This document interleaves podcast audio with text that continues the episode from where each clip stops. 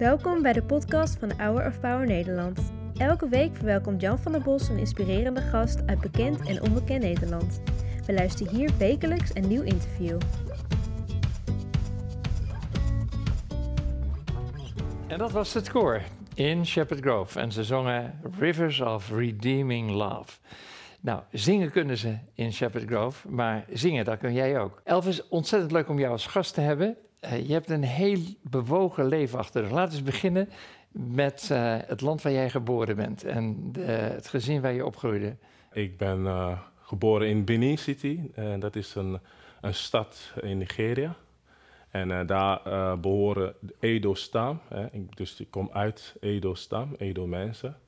Dus we hebben echt een koninkrijk. Dus zo wordt het nog steeds genoemd. Ik ben een Edo-stam, geboren in een hele grote gezin. Ja. Dus uh, mijn vader die, uh, die komt uit, uh, uit een cultuur waar je dan meerdere vrouwen mag, mag, mag, hebben als je dat kan betalen. Hij had dus twee. Maar jouw vader huwde een tweede vrouw, omdat ja. bij zijn eerste vrouw had hij alleen maar dochters. Dat klopt. En in de cultuur van de stam moet je wel een opvolger hebben, een zoon. In, eigenlijk in de meeste Afrikaanse cultuur is het ja. zoon heel belangrijk.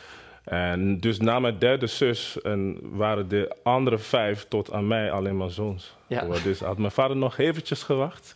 Had hij dan was het niet meer nodig om er nog een vrouw bij te nemen. Maar, nee. dus, maar vandaar, dus ik, komt uit, uh, ik ben de achtste van mijn moeder en de, de dertiende van mijn vader. Kijk, dat is een Ik moest even, even vertellen. Ja, ja, ja, ja, ja. Jouw vader was een hoge ambtenaar. Ja. En uh, jullie hadden het goed in Nigeria. En die overleed toen jij acht jaar was. Dat en toen veranderde alles voor je. Ja, daarvoor ging alles goed. En toen hij overlijdt, uh, ging ons leven van 100 naar 0. Van 100 naar 0? Ja, zo heb ik het ervaren. Van rijkdom naar armoede? Juist, extreem armoede. Uh, dus wij moesten het huis uit. Want de eerste zoon die moet dan volgens de cultuur overnemen. Dus wij gingen naar een huis waar uh, op eigenlijk geen plafond was. Zelf geen ramen. En uh, was wel een dak, dus, uh, maar geen keuken bijvoorbeeld, geen wc. Dus ja, het was, het was wel heftig, moet, moet ik wel zeggen. Dus van leven waar als een acht jaar jongen gewend was, opeens helemaal naar iets te gaan waar je niet gewend bent, alsof je bijna een dier bent of zo ja. eigenlijk. Ja, dat vond ik wel heel moeilijk, moet ik eerlijk ja, zeggen. Maar je had een hele sterke band met je moeder, want die gaf niet op. Nee, mijn moeder is ze was, zij is echt een vechter. Ze zei, zodra ik leef, ik ga alles doen wat ik kan doen om voor jullie te kunnen zorgen. En uh, zij zorgde gewoon voor eten. Ik wist niet hoe ze dat deed. Ze had geen baan, maar ze, ze ging ook wel dingen die zij had, bezittingen verkopen om ons eten ja. te kunnen geven. Ja. ja. Dan ontdek jij dat je muzikale talenten hebt, maar je moeder zegt nee, je moet studeren. dat is, ja, je lacht wel, nou, dat is heel belangrijk. Maar, uh, ja, dat klopt. Voor ons die tijd was muziek eigenlijk geen serieuze carrière, zeg maar. Dus uh, muzikanten werd niet serieus genomen. Ik had ook een oom die uh, muzikant was, maar die was ook bijna elke dag dronken. Dus, dus dat was sowieso geen goede voorbeeld. Dus voor mijn moeder was het belangrijk om iets van je leven te maken. Dus dat doe je door jouw studie serieus te nemen. Ja. Maar ik wou muziek ja. maken, dus ik wou keyboard spelen. En dan zei je mag dat doen, maar niet te lang mee bezig zijn. Nou, ik werd wakker om zes uur, dan begin ik meteen met uh, piano te spelen tot aan twee uur s middags. Totdat uh, op, op één dag ging ze mijn uh, voedingsmiddel ging ze ergens verstoppen. Zodat ik dan niet meer kon spelen. Ik heb er wel andere gevonden in de kerk. Dus ja, ik kwam met een andere naar huis. En ja. toen, toen dacht ik, weet je, ik geef ja, maar op en laat je je droom volgen. Ja. Je bent in de kerk opgegroeid, daar ging je ook muziek maken. Ja. Waar ontdekte jij dat je heel veel talent had? Ik was op één middag in onze achterhuis, zo'n keuken, aan het zingen. En mijn nicht was bij hun thuis, want ze, onze huizen waren heel dicht bij elkaar. Zij hoorde iemand zingen in de keuken terwijl ze aan het douchen was. Zij kwam ze rennend naar mij toe. En toen zij de deur open deed, zag ze mij daar staan. En ze keek nog verder of er nog iemand anders in de buurt was. En toen stelde ze mij een vraag van, uh, wie was net aan het zingen? Van, jij kan het niet zijn. En ik zei, wat bedoel je nou? Ik was aan het zingen. Heb ik nou iets verkeerd gedaan? Toen begon ik weer te zingen van, nou, ik was echt, ik ga gewoon bewijzen dat ik, dat Dan ik ga het ik was. natuurlijk een handvraag stellen, want wat zong je? Weet je het nog? Ja, zeker. Nou, dat, Dat- willen we dan graag horen. Nou, ja, ja, ja, dat was eh, een Vriendje. nummer van eh, Whitney Houston van eh, I Will Always Love You. Dus ik zong heel hoog met een, ik was denk ik misschien rond de, iets van 12 of zo, Ja. 13 jaar, zong ik, And I will always love you. dat, dat zong ik bijvoorbeeld. Zij keek zo gewoon bijna verbaasd naar mij. Bijna bevroren. Rent ze weg. Met een aantal mensen kwam ze terug. En eh, ze was helemaal in trillen. Ze van, wil je nog een keertje zingen?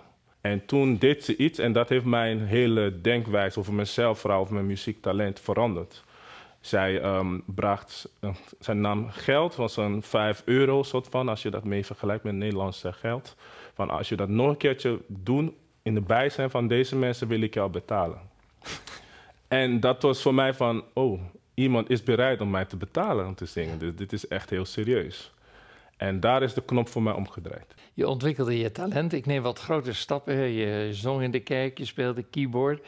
Dan komen er mensen uit Nederland, die horen jou. Ja, klopt. Die zeggen, joh, wat heb je een groot talent. Maar er gebeurt nog wat, want God geeft jou een droom. Ja. En wat zag je in die droom? Nou, eh, dat vind ik wel is- een grappig verhaal hoor. Ja, nou, maar ik, het was heel bijzonder, want eh, eh, ik droomde en ergens zag ik een beeld, heel groot letters. En de letters waren Amsterdam. En ik zag, omdat de letters, zag ik eh, heel, eh, soort van zo'n waterval effect, zag ik. En ook veel lampen, veel lichten. En toen werd ik wakker en ook toevallig was, hing toen die tijd nog in mijn oude kamer hing een, een plaat en daarop sto- stond ook Amsterdam. En dus ik zat de hele tijd met, dat, met, die, met die naam, met Amsterdam in mijn hoofd. En, en ik ging op een moment naar mijn eh, neef toe. En, eh, om te vragen van, eh, ah, is dat nou een plek of zo? Wa- waar is dat, Amsterdam? Nou, in plaats dat hij ook toegeeft dat hij, dat hij niet wist... Hij wilde een beetje stoer doen. En toen zei hij op een moment, dat is een plek in Duitsland, zei hij tegen mij. dus dat heb ik onthouden de hele tijd. Dus Ja. in mijn hoofd was Amsterdam is een plek in Duitsland. Ja. Maar, maar ik zat de hele tijd met die naam Amsterdam in mijn hoofd. En dan eh, op een moment inderdaad, eh, weet je, ging ik van Benin City, waar ik geboren ben, eh, op een moment met muziek, ging ik verhuizen naar Lagos. Ik ging eerst tijdelijk met mijn broer wonen, die heeft mij namelijk muziek leren spelen. Die ging op een moment ook naar, da- naar de Bijbelschool van Rema in Zuid-Afrika. Dus ik was daar op mezelf in Lagos. En de kerk waar ik speelde, eh, een van die diensten was iemand die eh, eh, uit Nederland kwam. Die heeft mij ontdekt.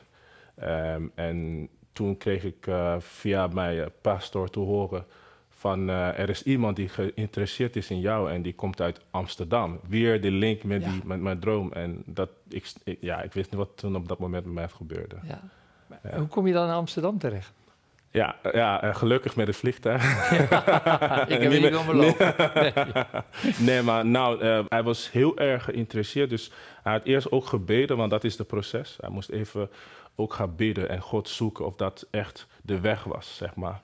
En hij kreeg een bevestiging en toen startten ze met het proces met, eigenlijk met, om mij naar Nederland te brengen. Ja. En dat is helemaal allemaal binnen een paar maanden gebeurde. En toen kreeg ik visum, eh ticket. Ze zei van, eh, jij gaat eh, volgende week vliegen naar Nederland. Naar Hoe kom je in dit land aan? Het Ja, land ik, ik vloog toen via, via Frankrijk, Ja. je weet nog. Ik vond het heel spannend. Ja, en staat daar zo'n. en op de voor, dezelfde dag vloog ik ook meteen door naar Amsterdam, Schiphol. Toen- daar werd ik opgehaald. En ja, het is, ja, het is gewoon een kwartier schok. Je, je komt in een land waar alles anders is dan wat je Ja. gewend bent, zeg maar. Ja, wat ik wel heel gaaf vind, dat eh, in mijn ogen toen was het echt de hemel. Alles was zo schoon en mooi. Ik dacht van, waar is zand? Waar is, waarom is er geen zand? Alles is te schoon hier. Nou, het was, ik was er niet gewend, Ja. nee. Ja. Dan begint je muzikale carrière in Nederland. Je, je bent nu een heel bekende zanger-componist. Wat is jouw lievelings gospellied? Dat is heel moeilijk, moet ik eerlijk zeggen. Want ik heb, ik heb heel veel lievelings gospelliederen. Dus eh, Dan kies er dan toch maar eentje uit. ik, als ik nou zeg Oh Happy Day, is dat een beetje cliché. Nee, helemaal niet. Nee, ik vind het fantastisch. Uh, Sherman Nee. was hier ook laatst. Die heeft ook al Happy Day gezongen. En we hebben het ook tijdens het... Eh, Tijdens de tour gezongen. Ja, daar eindigt het mee. Wat Ja. op mensen een enorme indruk eh, maakt, is de blessing. Hè, van Nee. the Lord bless you and keep you. Dat is Ja. echt zo ontzettend indrukwekkend. Ja. Ja. Ja. Wat betekent God voor jou? Ja, ehm, voor mij is God eigenlijk uh, alles. Alles. Alles. Dus er is niks zonder God. Dus en, ik, en dat is wel, als je, je moet heel goed en diep nadenken wat ik zeg. Want uh, alles kan ook slecht zijn. Maar de, de, de Bijbel zegt dat alles werkt ten goede voor de mensen die geloven. Dus God is alles. In Hem vinden we alles. Dus ook toen ik geen vader meer had, was God vader. Dus God kan alles vullen wat een gat is in jouw leven. Maar heb je het nooit moeilijk? Heb je nooit vragen? Tuurlijk.